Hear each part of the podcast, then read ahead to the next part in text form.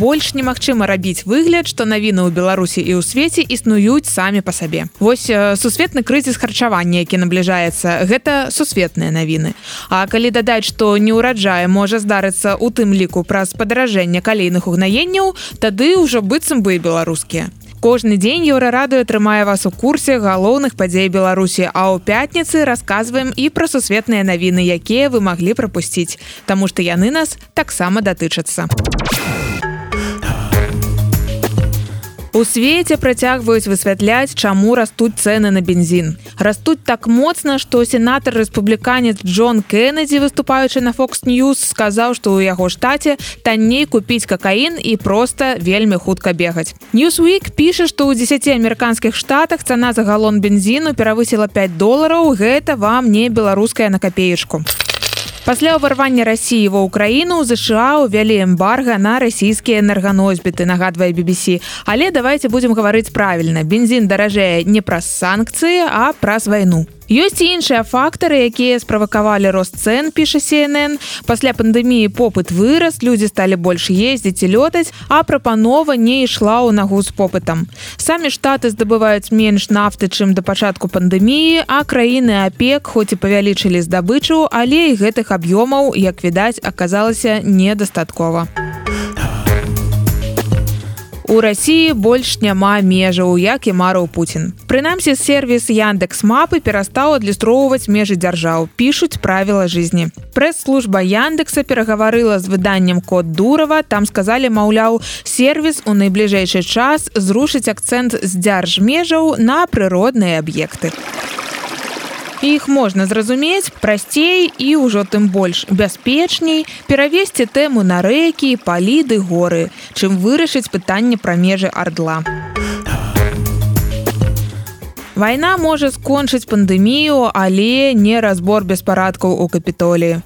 Вы ўжо забыліся, але 6 студзеня 2021 года, калі ў Беларусі яшчэ быў тут бай і не быў пасаджаны самалёт з раманам пратасевічам, адным словам у нейкім мінулым жыцці прыхільнікі трампа штурмавалі капітолій, нагадвае BBC.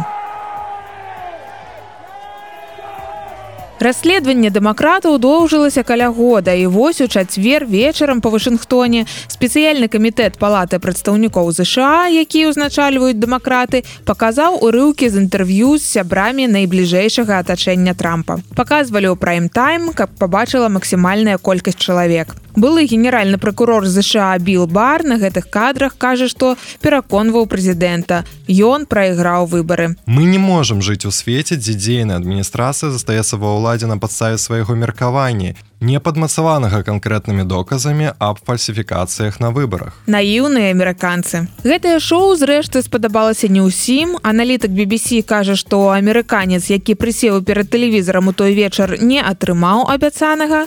Гэта значыць, не прачнуўся наступнай раніцай і упэўнены, што тады 6 студзеня ва ўсім быў вінаваты трамп. Але зусім дакладна успомніў трагічныя падзеі таго дня.